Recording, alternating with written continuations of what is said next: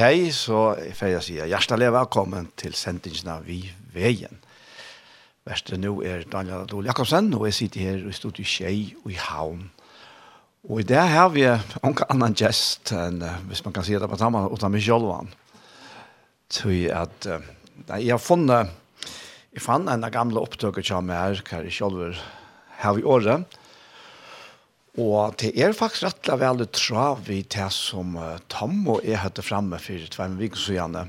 Hver vi uh, tog seg om imiske personer som var vi i veien som kom uh, av Jesus her ved, eller Jesus kom av tarra ved. Og det her vi er så gjørst fem parter bort ur, og for å spille det her, for å spille Jola Sanger under midtelen. Og her, jeg halte jeg for bare lett lette vei på denne veien, så her kommer den første parten har vi hugsa meg at færa at hitje etter uh, nokre personer som Jesus møter i Lukasar evangeliet. Her er rettelig nekv man kunne trive i, men uh, jeg færre at teka nokre av som dømne. Jeg vet ikke om jeg kom i alt det som jeg har vi hugsa meg kvalt, men uh, jeg har vi hova færa byrja vi hos uh, Peter og Jesus møttest. Og til leser vi om i 5. kapitlet i Lukasen. Vi leser her fra første verset. Som nu falskje einafer, tyrptist om han og hørte årgods, han stod vid Genesres vatten, så han tvar badar litje her vid vattnet. Fiskemennene var færne fra Tamon og tok oss vi av skåla gøttene. Ta får han inn i annan baten tanja symene, og be han letja ei sinter ut fra landet. Så settes han nyer og lærte falskje ur baten. Ta han helt opp het at tala, sier han vi svimene, Legg ut av dype og set, set ut gøtten tikkara eina seto. Ta sværa i symen honom. Meistare, vi tar rønt atla natt og ønske finnje. Men etter året tøynon skal jeg sete ut gøttene. Ta i tar gjørte til, finke tar ståra mångt av fiske, og gøtten tarra skrattna av. Ta vartra tar etter felavn sin og hinno at tar skulle komme og hjelpa taimon, tar komme ta og tar fyllt og badenar, så tar mundu sotje. Ta i nu som en Peter sa hetta. Fall han nyer fire knøvun Jesus her og sier, Herre, fær fra mer, e er sintigur mevor. Tu rastla vær komin av han, og allar teir og vi hun og våre av hese fiskavei og i teir høtte finnje. Somleis eisne av Jakob og Johannes sine Sibedeus som var felavarsvimnar, men Jesus sier vi svimmen, øttast ikkje, heretter skal tu veia menneskje. Der får så at lande vi badnån og får fra ødlån og fyllte hånden. Hentan her, søvan her om ta og Jesus og Peter møttes er ser avhavert. Tui Jesus, han er ta sutjad eisne, eisne i hesten evangelion, i Lukas evangelia, han ferreist fyrir det aller mesta mittlen falskje. Han var som oftast, så var han her utanfyr her som kanskje møtene våre, utanfyr synagogna, og Og han var mittlen falskje, men han var ikke vant i eisen i synagogene, det her leser vi fyrir om i kapitlen fram og undan. Men nu er han som mittlen falskje, og her er så nek falk at han fer ikke, han fer ikke veri her og tala til dere. Og så skal han ut i henda baten, han vil ikke lene henda her baten her, kja Petre. Og vi kjenner det vel, vi har hørt det som enkene.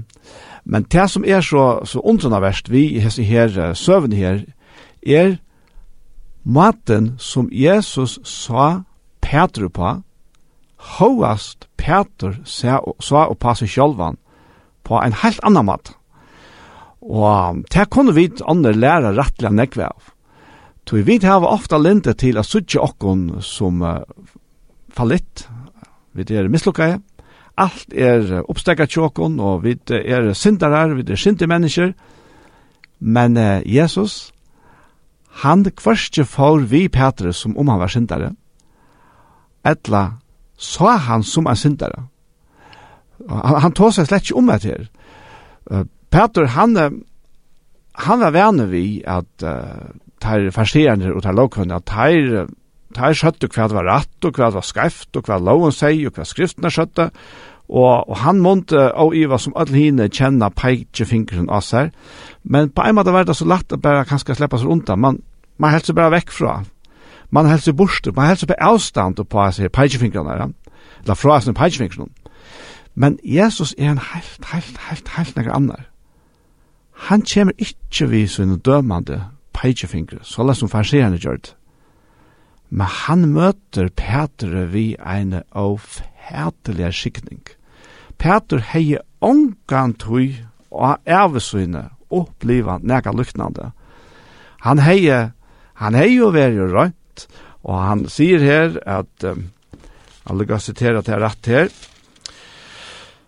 han, han sier, Mester, vi tar rønt atla natt, og han ikke finnkje. Så han, han hei som han gode fiskemæver han vær, så hei han gjørst etter ötlen kunstens reglum, men han hei bransje finnkje.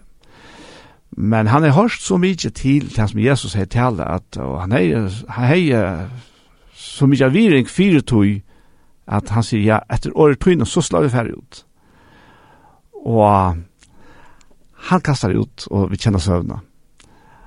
Han fer et under, beint inn i gøttene tjasar, og inn i baten tjasar. Så størst at det er sånn at tveir batar her er om a søkka av fiske, som det er ikke at finnje, så er størstene av alla nottene. Og, og det er Jesus som hever valsigna i Peter. Hoast, hoast det, at Jesus, han visste fullvel til at Peter, han var ikke ærvise enn ødel andre, yes, han var en sintig maver. Men Jesus visste eisne til at det som han var kommet til gjerrar til å gjøre, det var at bæra sint heimsens borster, at teka sint heimsens borster. Og han visste eisne, hette eisne galtante, fire Peter.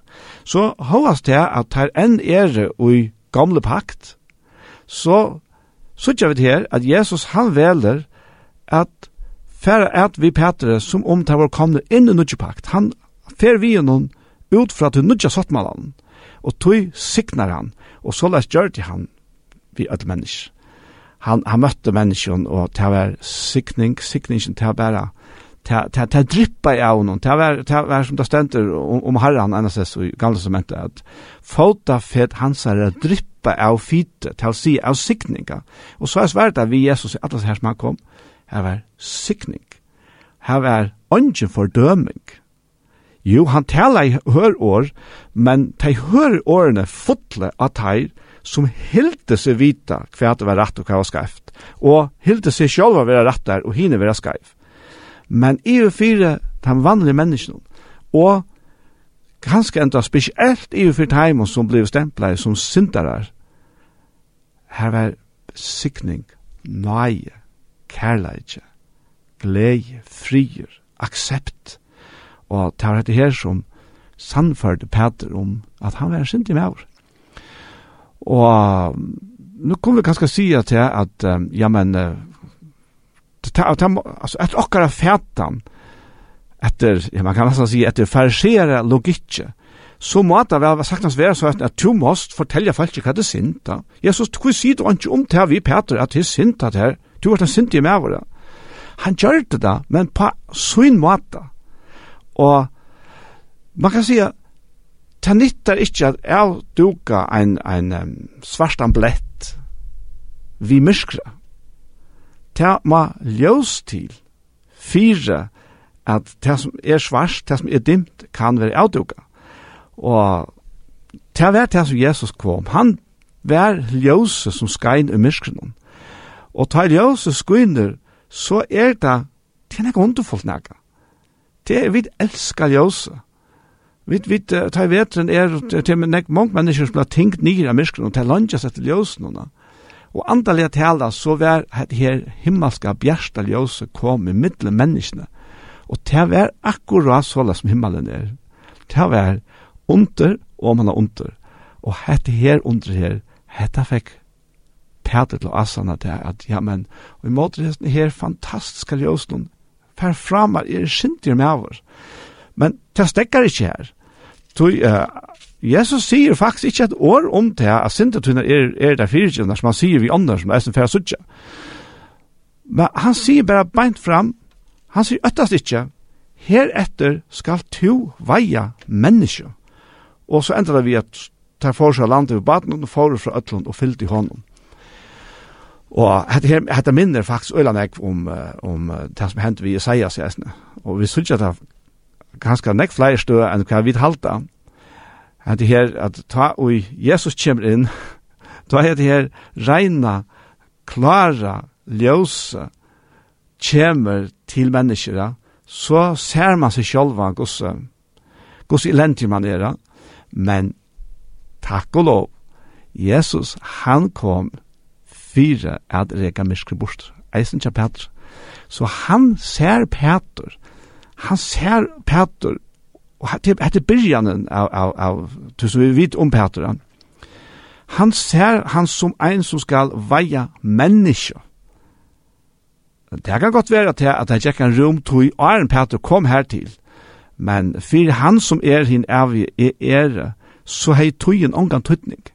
Han sa og i sin hjärsta fram til kvitt som det, Ta Peter stå fram saman vi hin etleva, og tala i sålesne at 3000 mennesker var vunnet fri herren. Og dette her er Jesus tid.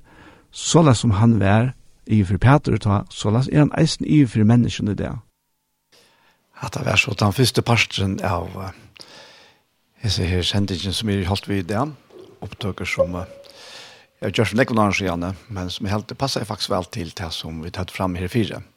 Nu får jag spela en Jola Sanko till er Alex Berensen vid till Little Stavur, Bethlehem.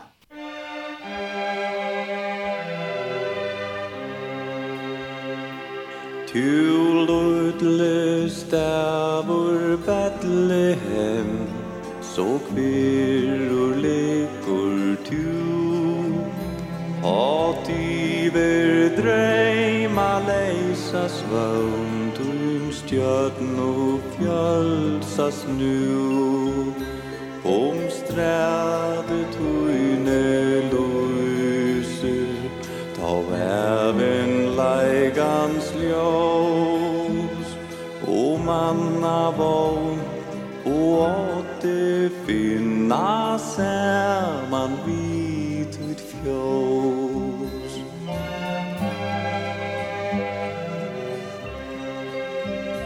Här frälsaren vär fött ur sol Och i himle hua er.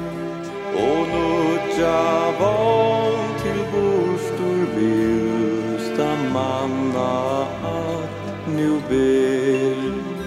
Teg morgonstjär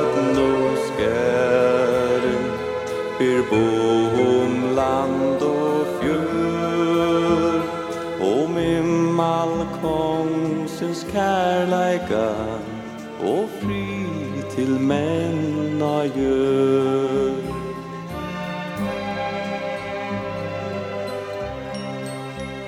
Så stillus lea, Gaver bytas du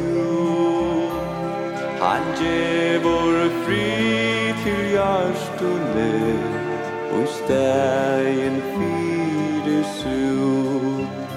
kan vera ikkje høyrast Hans kærleiks fyrt så fljå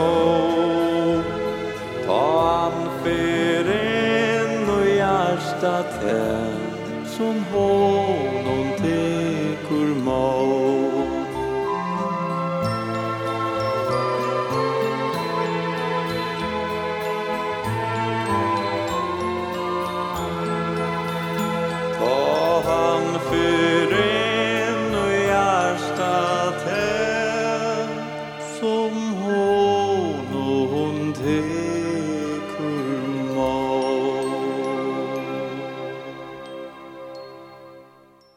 Vi tar det Alex Bergensen, vi sender noen to lytle stavur Bethlehem, og hette er sendingen vi veien, og verster Daniel Adol Jakobsen, og Gjester Kjommer, som sier Janne, til er faktisk i Kjolver, vi er en opptøke som er en tøttkjettelvare gammel, og til er uh, ut fra, ut fra Lukas personer her, men jeg synes om det som vi hadde fremme her fire, men uh, vi får tenke neste parten her.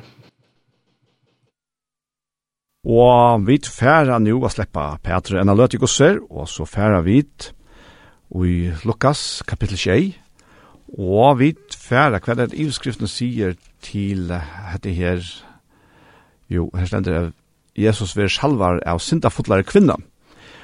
Og vi færa er lese her fra vers 36, her stender at ein av farseeren be han koma og eta kjasser. Han får ta inn kja farseeren og sette seg til bors og her og i bøynon var syndafull kvinna. Ta i hon fekk a vita at han sæt til bors heima tja farsearen kom hon vi alabasterkrukke vi salva og stå atan fyrir han vi fødder hansara, græt og får a veta fødder hansara vi taren sjøynon. Torska i teir vi hare sjøynon, kiste fødder hansara og salva i teir vi salvene. Ta i no farsearen og hei boi hon inn, sa hetta, sei han vi seg sjolvon, vær hesen profeter, så visste han kvör og kvoss henda kvinna er unemi vi han, at hon er syndafull kvinna.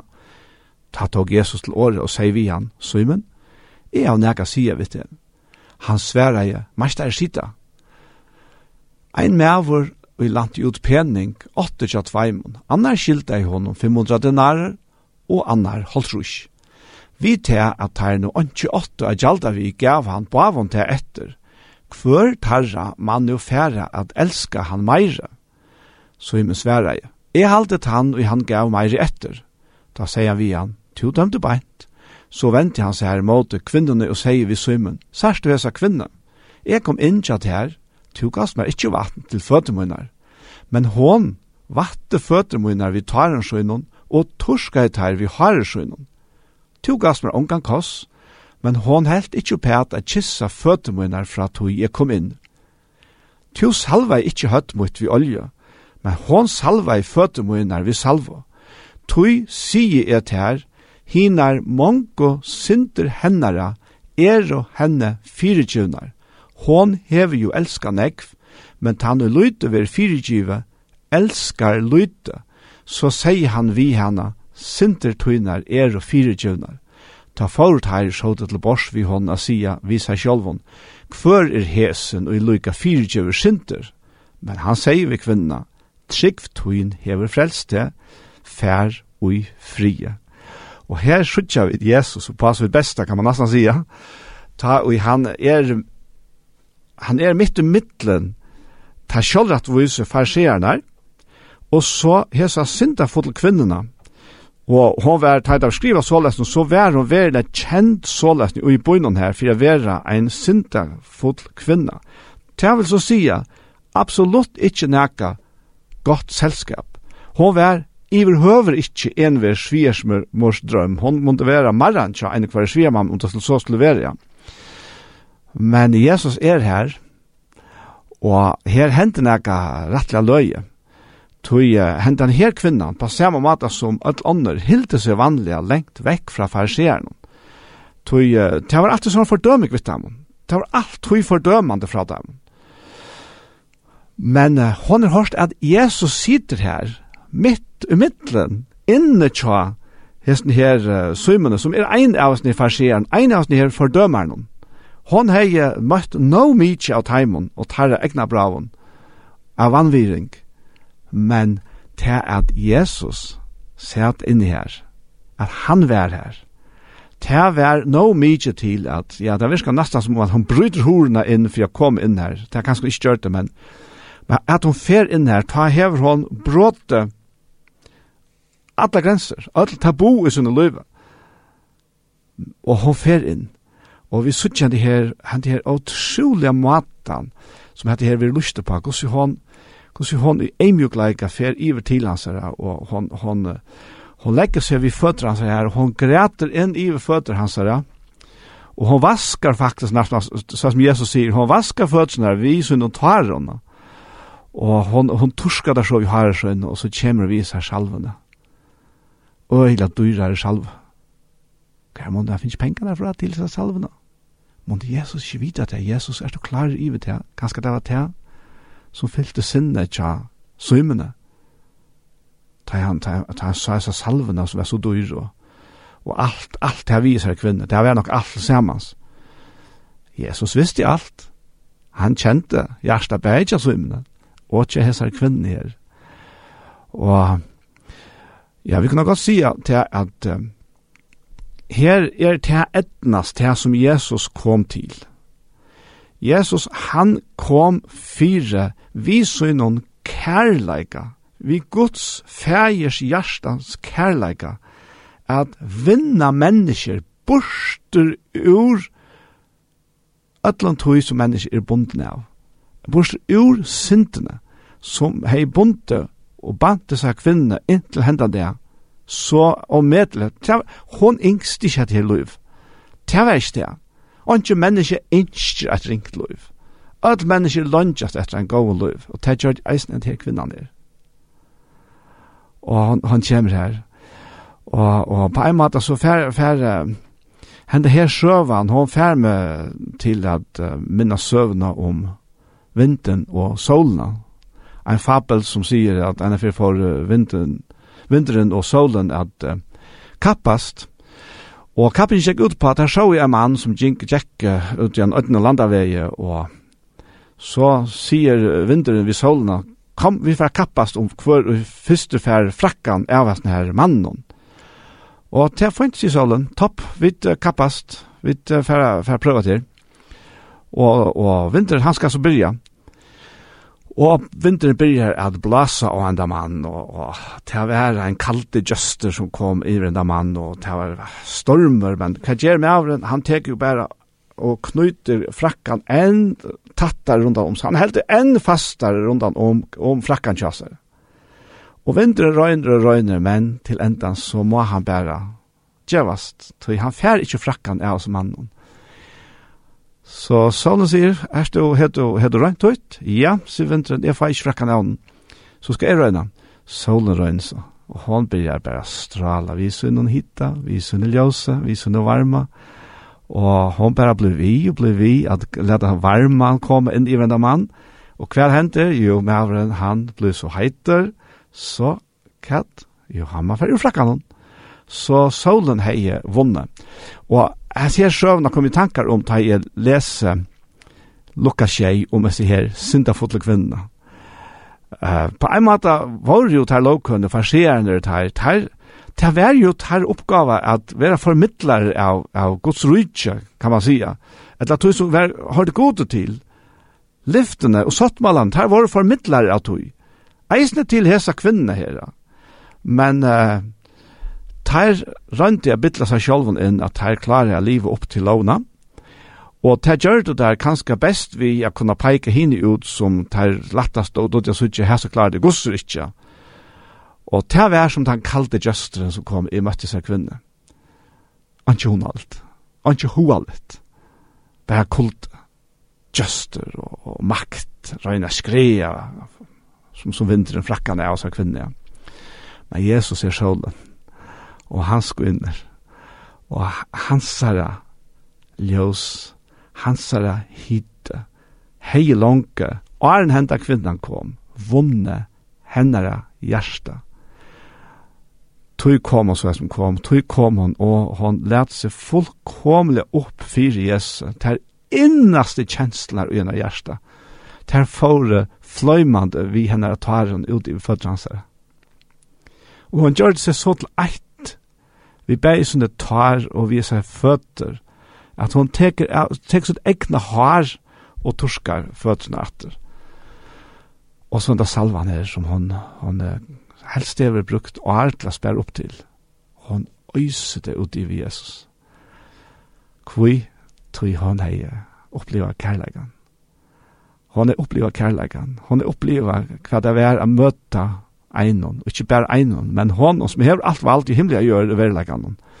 Hvordan han verelig er, at han var ikkje kulte og gjøster, men han var ljøs og luiv og hytte, og, og, og, og, og medmenneskjastlighet. Og hon, hon, hon smelta enn i fyrir som kærlegan. Og det er så trøstarukt å lese det her, at, at her til at at mennesker, at, at Jesus, han ser, han ser forbi trobleggene til menneskene. Han ser etter om, han veit hva det er som ligger etter for her. Hon veit, han veit til at hon hever ångan til finnje, en innara tanka fyllt han opp i Guds kærleik og omsorgan. Og hette her, henne brøytingen som fyrir fram, til at, at hon tårer å stuja fram og færa fram til han som hever giv i henne sin kærlega, verilig giv sin kærlega, og hon gjev det beste som han hever. Alt sitt liv lei hon i fyrir fødlands her. Og det er, jeg halte det er så godt, altså. det, er, det er så godt, og det som er så godt, er som vi Jesus sier, han leder seg ikke stekka av farseren. Det er ongan chans til å stekka hese mannen. Og veist du hva, det her var der heller ikke det til som høyre etter året om Jesus, og kanska hever kjent og oppleva så nekva fordøming og kulta. heane til vanta i kanska, jeg finner ikke forståelse. Jeg skal at ånden farsiere, ånden sjølrettviser kan stekka Jesus ui at møtta til, og han hever faktisk langt møtta visen kærleika. Og vi får halda framvisninger holengen om Jesus og personer som han møter i Lukasse, så får vi Jeg skal spille alle, bare Jolasanger der, men jeg må spille den til helt at døtter i rand på at jeg har hørt det. Og lort etter den i parten om jeg ser samme, eller ikke sammerske kvinner, men om jeg ser kvinner som kom inn til Søymen, farserer Og det er sangren til døtter i rand på He looked beyond my fault. Musikk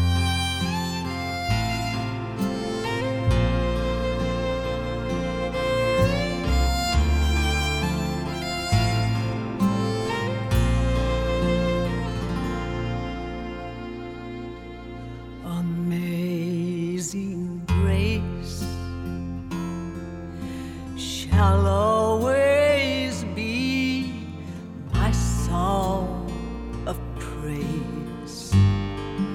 For it was grace that bought my liberty. I do not know just why ever came to love me so.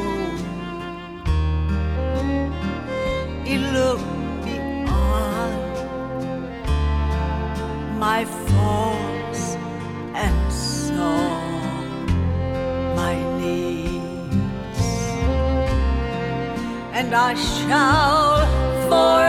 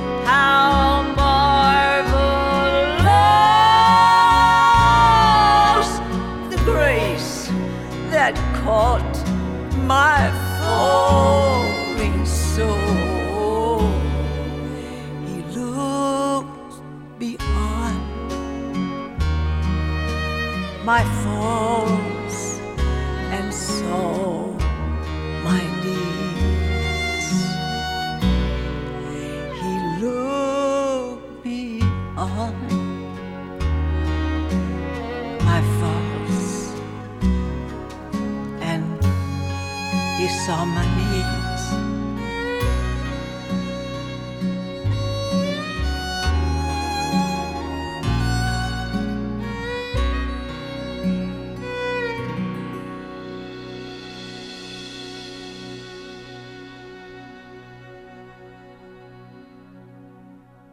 Vi tar det Dati Randbo, vi sender den he looked beyond my faults and saw my needs. Og det sier noe som det at han, altså Jesus, han hukte etter om mine feiler og sa mine tørver. Og vi får så halte av framvisen her hula en om personer i Lukas som er, er sammen vi Jesus. Og ja, det kommer så tre parstren at vi Og nå skal vi fære til en hending her i Lukas kapittel 9. Og her leser vi fra vers 1 og alt og her stender at ta en og lei at tøyene at han skulle være tidsen opp, vendte han anlite søgnen mot Jerusalem til affære her. Og han let sentemenn fære undan seg. Teir for av sted og kom inn og i en bygd samverja er få hon innevist. Men de tok ikke mot honom, tog han være fer til Jerusalem. Ta og Jakob og Johannes lærersvenner hans har så hetta søttetær, Herre, vil du at vi skulle bjóa eldi av falla nyr av himli og øya teg eins og Elias gjørte? Men han ventet seg av og hei etheimon og sier, tid vita ikkje hver anda tid er av. Tui menneskjasoneren er ikkje komen at øya mannaløyv, men at frelsa, så gjerne forut her i ærabikt. Og hette er atter enn ein sera ahuavert frasøgn, Stutt, nokre få år, hon sier om medaljan eg. Og hon sier hver Jesus er, hva han er kommet til, og hva han ikke kommet til. Og han, han urette seter sine egne lærersvenner her. Det var ikke så lett at han bare sier, nå, men han lærer til det, at det var kanskje ikke godt og så. Nei, han, han setter herlig Adamon. Og uh, tog at uh, Ja, men her visste ikke hva en andre det var jeg, sier, sier Jesus vittar. Toi, hans menneskesåndren, her stender at han var ikke kommet at døma mennesker, den delen av det jeg leser etter. Nei, han er ikke kommet av øya mannaløyv, men av frelsa. Og en av hukte er i studiebibelen, og hette her året at øya, ta hette her verset her ble omsett vi at uh, du menneskesånderen er ikke kommet at fortepa mennesker, men at bjerga. Og det er en øylig måneder. Og nå kan jeg knytte sinter nok så, for jeg sier rettelig personlig og pågjør, tror jeg at uh, mer tidsjer at uh, vid menkan som uh, har tala hos år, og til å være uh, kanskje særlig for, og jeg håper ikke at jeg har brøtt rettelig negg fra å ta av, så heter det så sånn at uh, vi tar være så øyelig opptidsen av eldre, akkurat som heser her bæger, lærersvennan her. Ta og nu heser falskjene ikkje kjente sånne vidkjenar tog. De visste ikkje av at det var til tarra beste at Jesus kom inn og gist ut tarra bygd. De visste ikkje av, de, de koblet han bare på sånne fudkjene der i Jerusalem, og så ville de ikkje takke mot honom. Men reaksjonen, reaksjonen til heser bavon, lærersvenner, Jakob og Johannes, hon er øyelig ekvislig. Hon er øyelig menneskjastlig eisne ja, men tar tids vilja jeg mot okkon, ja, men så skal nekka illt henta. Og tar færs atter ui gamle pakt, hver ui Elias samsværande gamle pakt, heie avrokna nekrar av sunne futsjendom som kom til attakana, vi at bjóa eld fattelig av himmel og øya der, og tar blir jo ødder. Tverfinar holdt trusmans, Og nu vil jeg ta slippe enda til hekka hetta.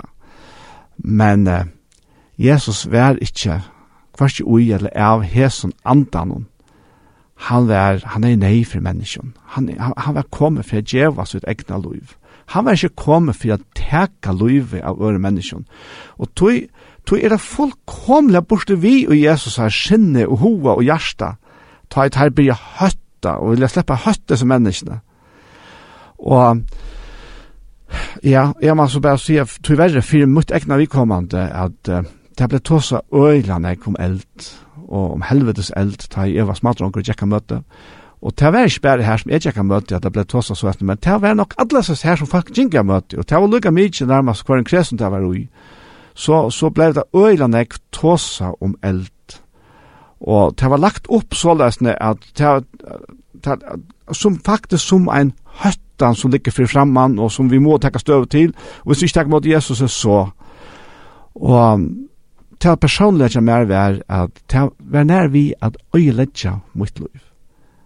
Jeg har ikke tal av øtl til svøvnleise nætren jeg som smadronger la og hoksa om hetta som jeg hørte av møtene.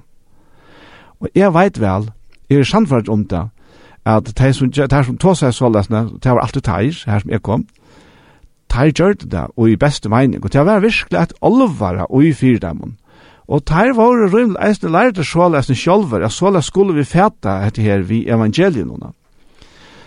Men Jesus har et helt, helt anna hjärsta for mennesken. Vi tar se, i tusen av oss om åren, hvordan han møter Peter, som vær, verlig en sinta fotel med oss. Han møter hon vid sikning. Og hvis han ser hvordan han møtte seg sinta fotel kvinne, han har møtt henne vid aksept, vid kærleika og han har vunnet gjørstene til den bavon tveimen. Og hesen med Jesus, han hever ikke flott seg her til at nå blir han ytler til anker ikke vil takke mot honom.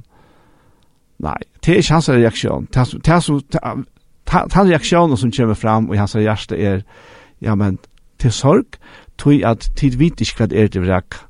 Og det som han sier vi hennes samverske kvinne, at hei du kjent gav gods, så hei du bi han. Og, og det er det, det som det så, så dreier seg om. Og tog er evangeliet ikke. Det er ikke meint til at vi skal rea mennesker vi tog øyla som fyrir henta. Men det er meint til at kongjera Guds gave som er Jesus Kristus, som han som kom fyrir at teka sind heimsens og seg sjálvan. Netto fyrir at vi ikkje skulde fortepasta, men heva av et liv som det var sagt i hans 3.16. Og det er det som brenner i hjertet, hjertet Jesus her. Han brukar ångkant i høttene og i måter vanlige mennesker. Han sa det som, som sier i ångkant hyre heie. Så men han gav øylig herrer vi tar som vil, eisen nu sånne ekne her, sånne ekne lærer som han øylig herrer vi teir, teir teir vil det være herrer og i måter menneskene Og, og hans, hans eima hjertelig vann alt og ötlun. Og løsnen, hun var pur enkel. Ja, men så får det bare en erbygd. Ja, det var så enkelt som det. Og kanskje jeg er er kjettere av at de ikke var vilja tidsje mot seg, aller helst har vært det. Men det var ikke en trobleidje som fikk han til at, ja, men visse tid nu ikke, så for det og det at henta. Og tyverre eisen ut der rundt om i heimen, så var det brukt, og det var, og jeg var heldig å være, hette her er det som vi skulle gjøre. Men uh, jeg må bare si at mine samfunn er samfunn om at det ikke rett. Og jeg vet eisen om andre mennesker som har haft luknende opplevelser som jeg tås om, og jeg vet eisen om mennesker i fargen som er enda i sinnesjuk av just hesson som, som tankene som, som jeg har nevnt her, og og, og til Jesus. Jesus gjør ånka sinne sjukan. Tvarster måter, han grøyer sinne til menneskene. Han kom for å grøye, for å rette opp, for å gjøre størst, for å gjøre sunt, for å gjøre godt. Det var det som Jesus visste at han kom til. Tøy verre, hadde de ikke sett her enn, men de kom med sannet av Berges, Berge Johannes og Jakob. De kom langt fremme ta kom til at skilje og fæta og sanna hettar. Og Johannes, han, han vil jo nevnt ut det, vil han nevnt for kærlegans apostel. Så har han ikke vært å ta, så ble han det settende. Og det kan vi så gosser teka bort uresen her, at sjalt disse her tåre sinner, tar finke navnet av hesten her, som tar atla her, av bjå eld om å falla nir av himmelen, så finke navnet tåre sinner. Ikke nega, ikke nekka uh, høskande fittlet navn for, for uh, slugga menn som fylls vi Jesus. Men det fink det så passe, men det navnet ble ikke hengand. Det ble det ikke. Han, han, Johannes, han ble kallet for apostel, og, og, Jakob, han let uh, seg, settene, fire Jesus, men eisne fire mennesker, tog at han gjør det her som Jesus yngste, han var ui tog andan av kærlega gods til mennesker, og fyrir det måtte han så leta løyve sjolver, og han gjør det at ta av kærlega til Jesus. Så, så her som Jesus er, her som Jesus er prædikar og boar, her er du vogn, fyrir öll, bæg fyrir, enn ta fyrir farserar, Jesus utelukka ikkje farserar, det gjør det sjolver, tog verre, og han møtte syndaren, Og han møtte sin egne vilfarne lærersveinen. Så Jesus er utrolig, og han er til öll mennesker, til öll slø av mennesker. Hvis man kan hele tiden ta som slø av mennesker, det er bare et slø av mennesker, og det er mennesker. Og så har vi mennesker sånn her som ikke vil komme fire for tappa, eller for øye liv, men fire frelse, fire bjerg. Og vi færre at halda framvisen her hula engen så færre vi at høyra Oslo Gospelkveier vi sannsyn og jola sannsyn og det lyser i stille grender. Musik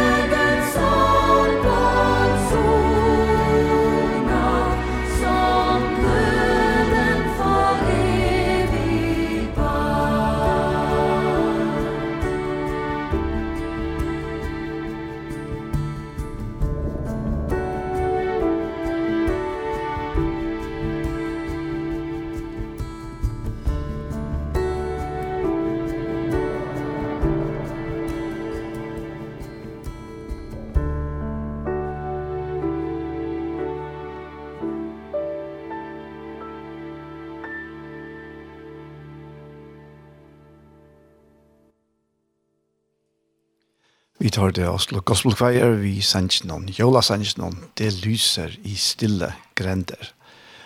Og dette her er sendingen vi i veien, verster i Daniel Antol Jakobsen, og ja, jeg sendte fem parster av Holengen her ur Lukas, at det er noen rasjen etter tidlig opp, og ja, vi får komme til fjøra parsten nå vi færre jøkken imska personer, og la hitte imska personer og i Lukas, Lukas evangeliet som Jesus møtte. Og hitte etter hvordan han møtte teimen og hvordan han samskifte vi teir og teg.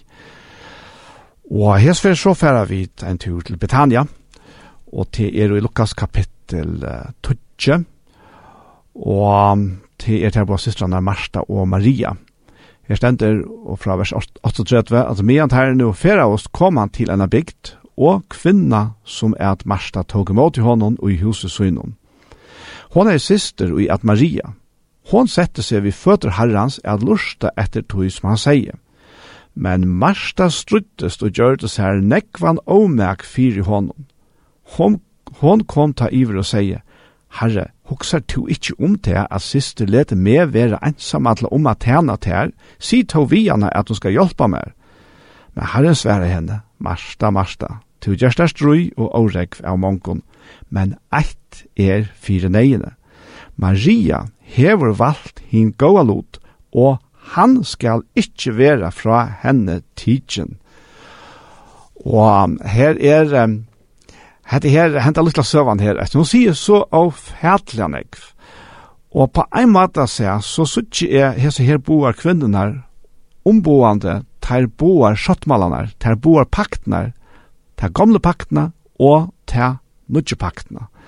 Tui Marsta, som hever bjóa Jesus inn, hon røyner a strujast fire at toknast Jesus, fire at tjena honom. Hon er tan eldre systeren, hon omboar faktisk ta gamle paktene. Medan han yngre systeren, Maria, hon hever fengat til som den nødja pakten sier. Hon hever simpelthen funnet kvile vi Jesus er føtter. Og her sitter hon, og hon teker imot ötland tog som Jesus hever er djeva. Og hent her støvan her, hent er jo en vel kjent søvan, og hent her støvan som er opp kommen her, Hon er, hon er rettelig gjerranslig. Jesus er kommet av vidtjan, og han var ikke hver som helst. Fyrir kvørk av time og vær han hver som helst. Han vær en dyrra bære vinner. Og ta suttja vi settne og gosser, vi vet ikke om det er første fyrir han kommer av Gottsjatheimen, etla om han hittar fyrir. Helst er han kanskje hittar fyrir, og ter vilja syna bluskap, etla Marsta vil velja syna bluskap, med Maria, hon ser meira enn til at nu er han røyna strujast og, og at toknast honom. Men hon ser meg til, hon ser til at det som han hever att djeva, det har vi er bruk for det.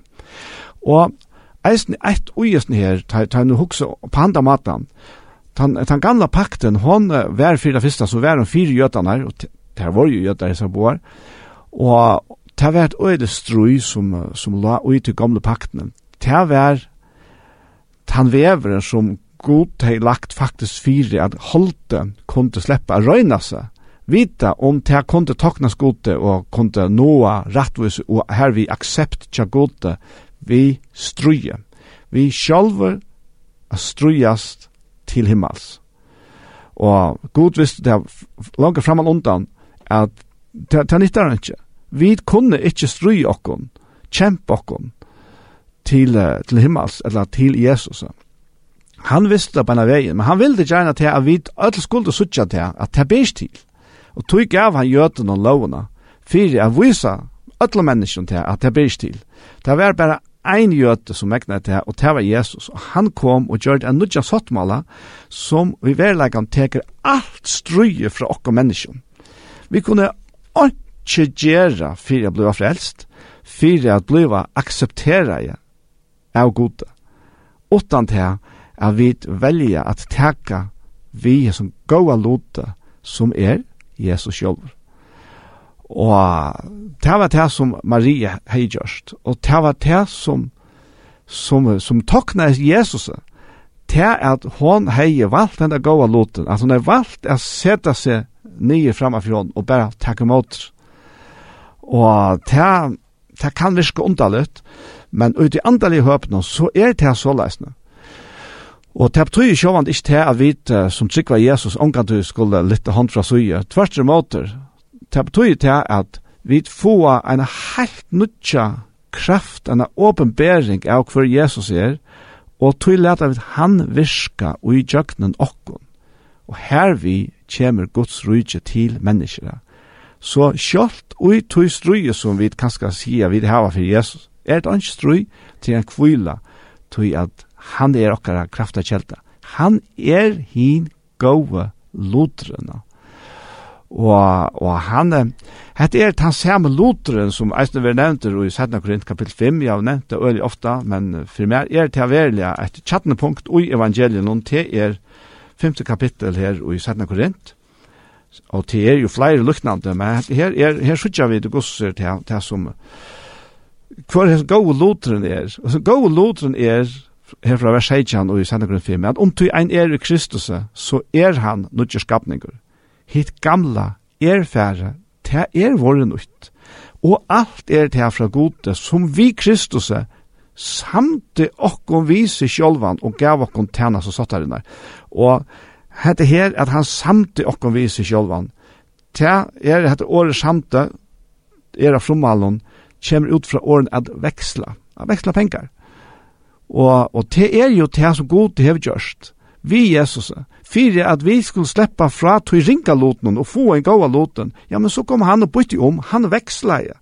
Så lett at Jesus tog Guds dom, og alt det som her til høyre, han får i jøgnen helvete fire mennesker, fire alle mennesker.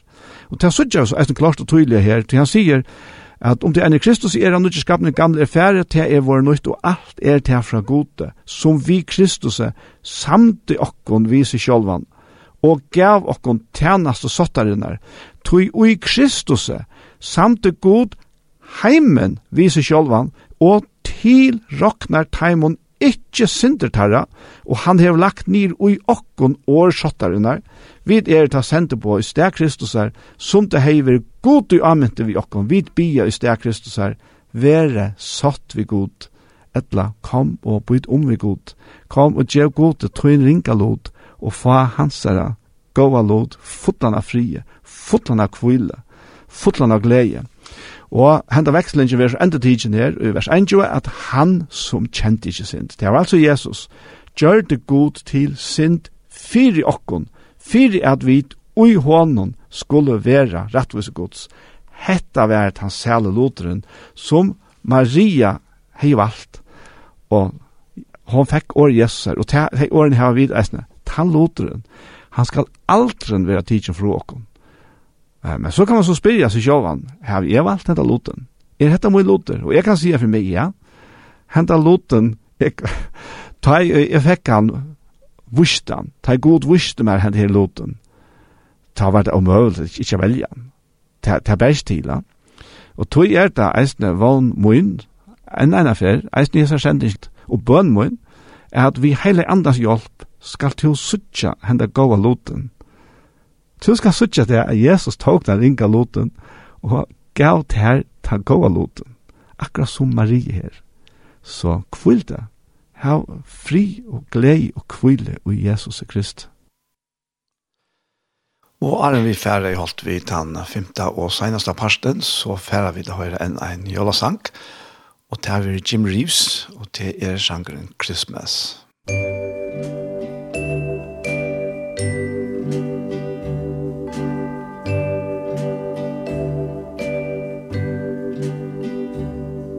See is for Christ child Born upon this day. H is for herald angels in the night. R means are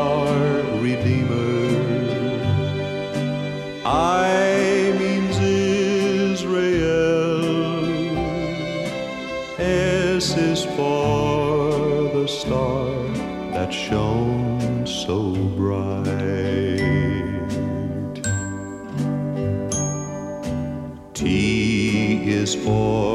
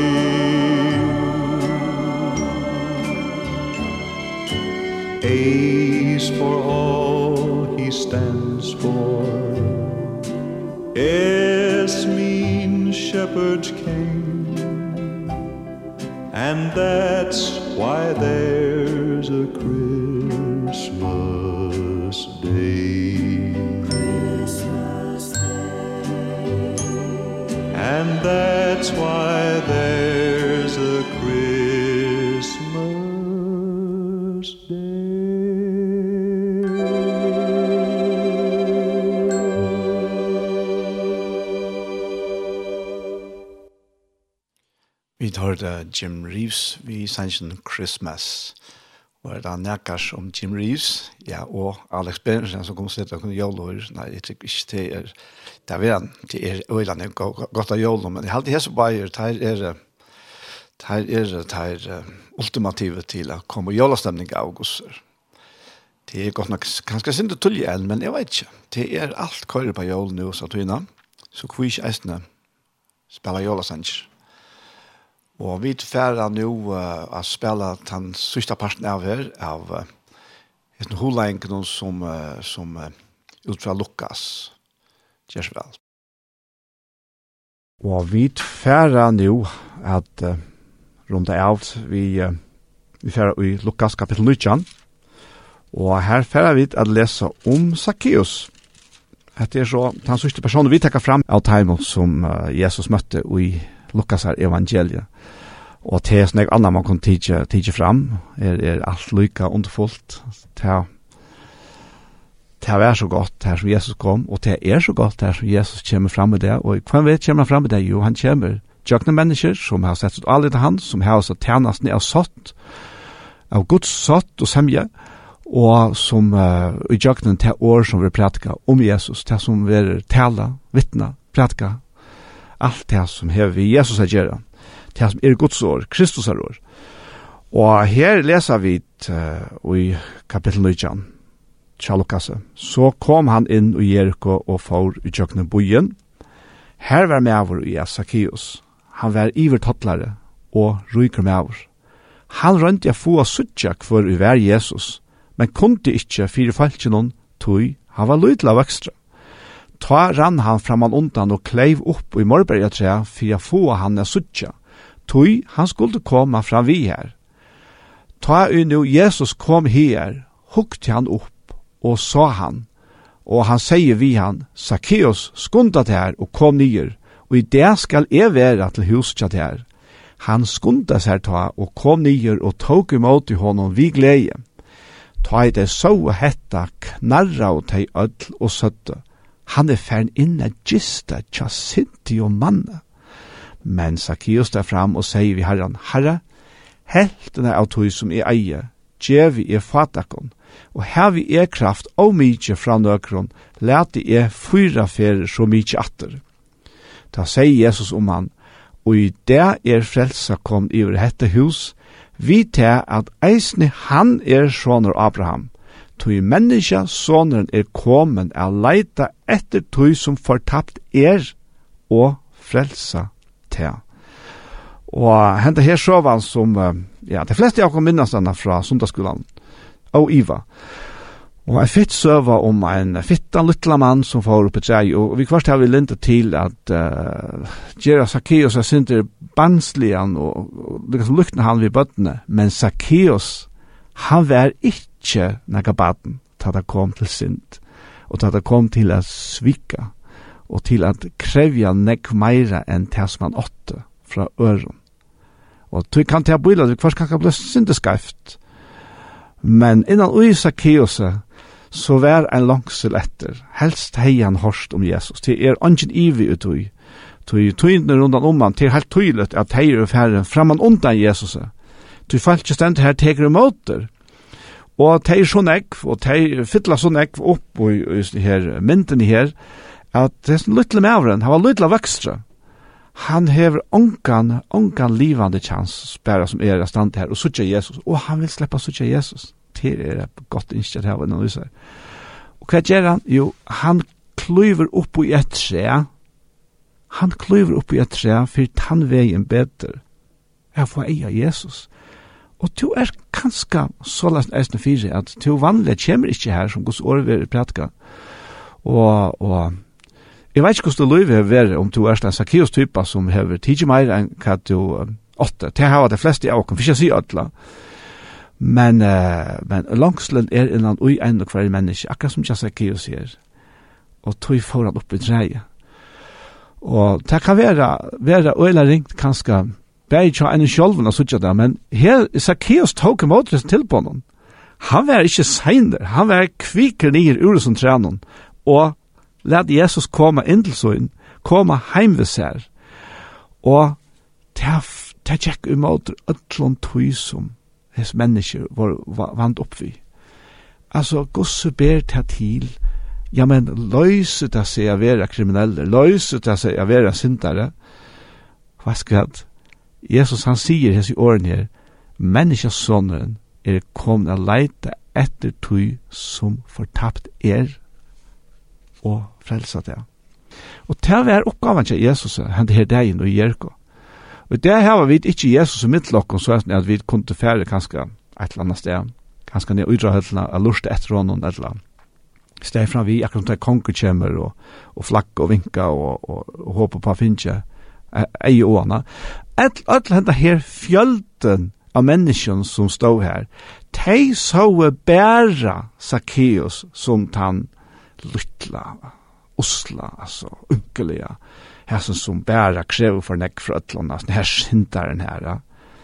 Men Jesus, han sa et hjärsta så langt etter god, som etter, langt etter fri og i løyvnån, som langt etter tog som verilige tilfredsstilla livet. Og det var det, og det er det bare Jesus som kan gjøre.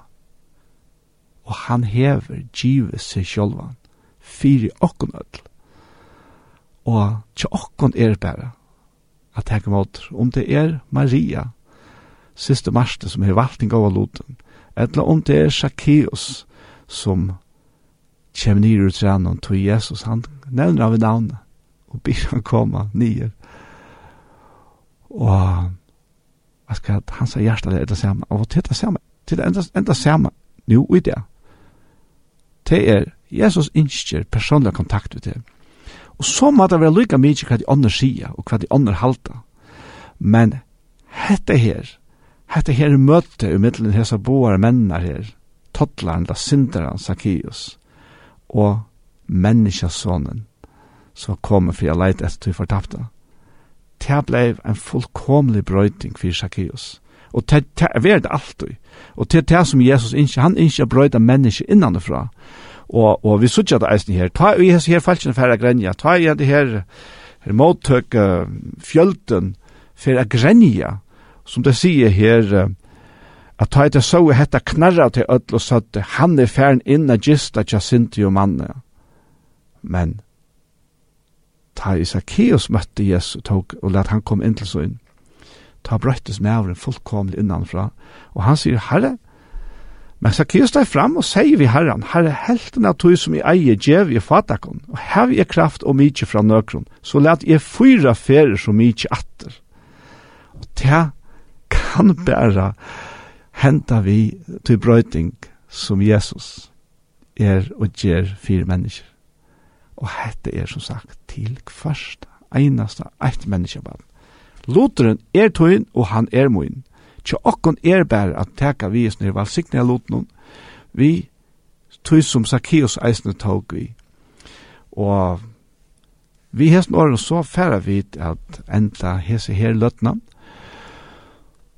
Jeg får bare si at gjør vel, det er Jesus er tøyen, han er kom fire a leit et du som fortapte er. Det er ikke en spurning om a fortapast ta ein affær. Luive er her og nu. Og verleisen er at han fortapte støvan er eisen her og nu, men hon ver vi Jesus er brøtt til evet luiv. Ikke fortapte, men evet luiv. Ikke mister. Ikke færne i middelen, men evet luiv. En livskvalitet innan uiser som fullkomlig brøyter alt løyve, bæg innan og åttan. Så god valgsikten det. Etter vers så sørste parten er oss når hun om personer som møter Jesus i Lukas evangelium. Og at det er en gammel opptøk av han, er en tutsje etter å være gammel, men han er akkurat lykke påskapen, og det er akkurat lykke aktueller enn til det. Og og er en fer rundt det helt av, eller slutta helt der, så fer vi da høyre en jøla sang at sangatræt, en velkjent han, og det er frigjør av gjør, og det er Margaret og Linda som synes jeg sannsyn til systrene Anne Sofie. Musikk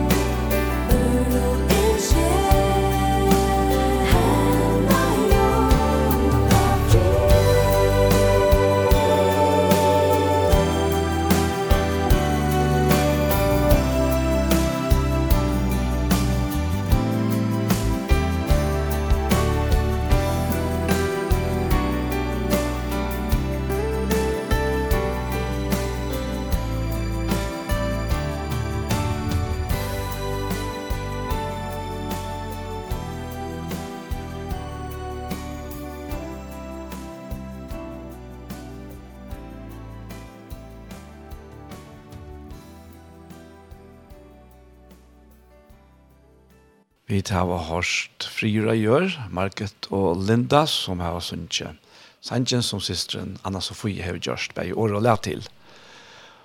Og her vi er så hentet her sendingen vi ved i kom det enda. Og, og i sendingen der så har vi, er, som jeg sier, blir vi ved gestet som har sjølven. Og til er vi at jeg har spalt enda opptøk vi fem personer, i hulainger om personer som som uh, vi møter i Lukas evangelium som uh, er, er det samme vi Jesus eller som møter Jesus. Til det. Men uh, Arne for enda så får jeg bena bøn feir og i Jesu Kristi navn så takkar vi til her. Takkar det for at du gavst sånn tøyen herre. Og jeg takkar det Herre Jesus at du kom og blei menneske. du blei ikke noe annet du blei ikke noe fremman du blei ein av okken herre. og og tøy kanst du eisne frelse okken, bjerg okken, og gjev okken evet loiv, evet glede. Og herre, jeg bare takk deg fyrir, herre, at året tøyt som er ferdig ut i det, herre, takk gjer tøytversk vi heile andan, val valsikne ein og kvann som hever lorsta og i det. Og i Jesus er navnet, Amen. Så er best etter å si at tusen takk for Jesus for. Takk for dog, takk til Men så hansens mentor til. Kom her til vår Et givet er morgen fri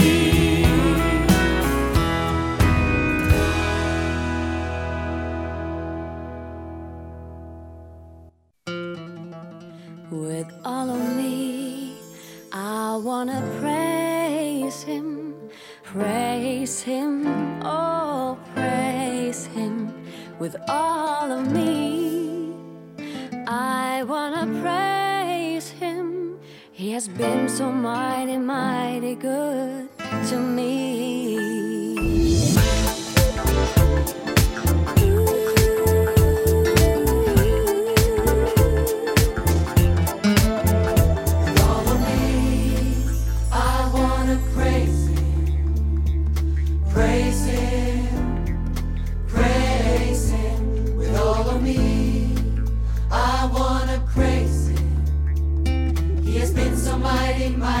good to me.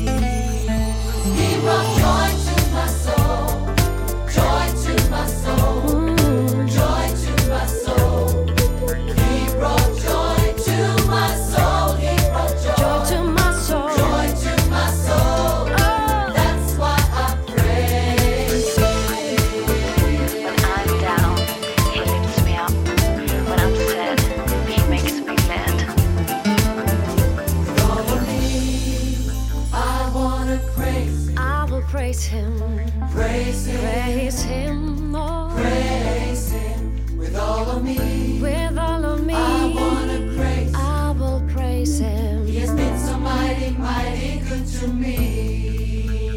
From the day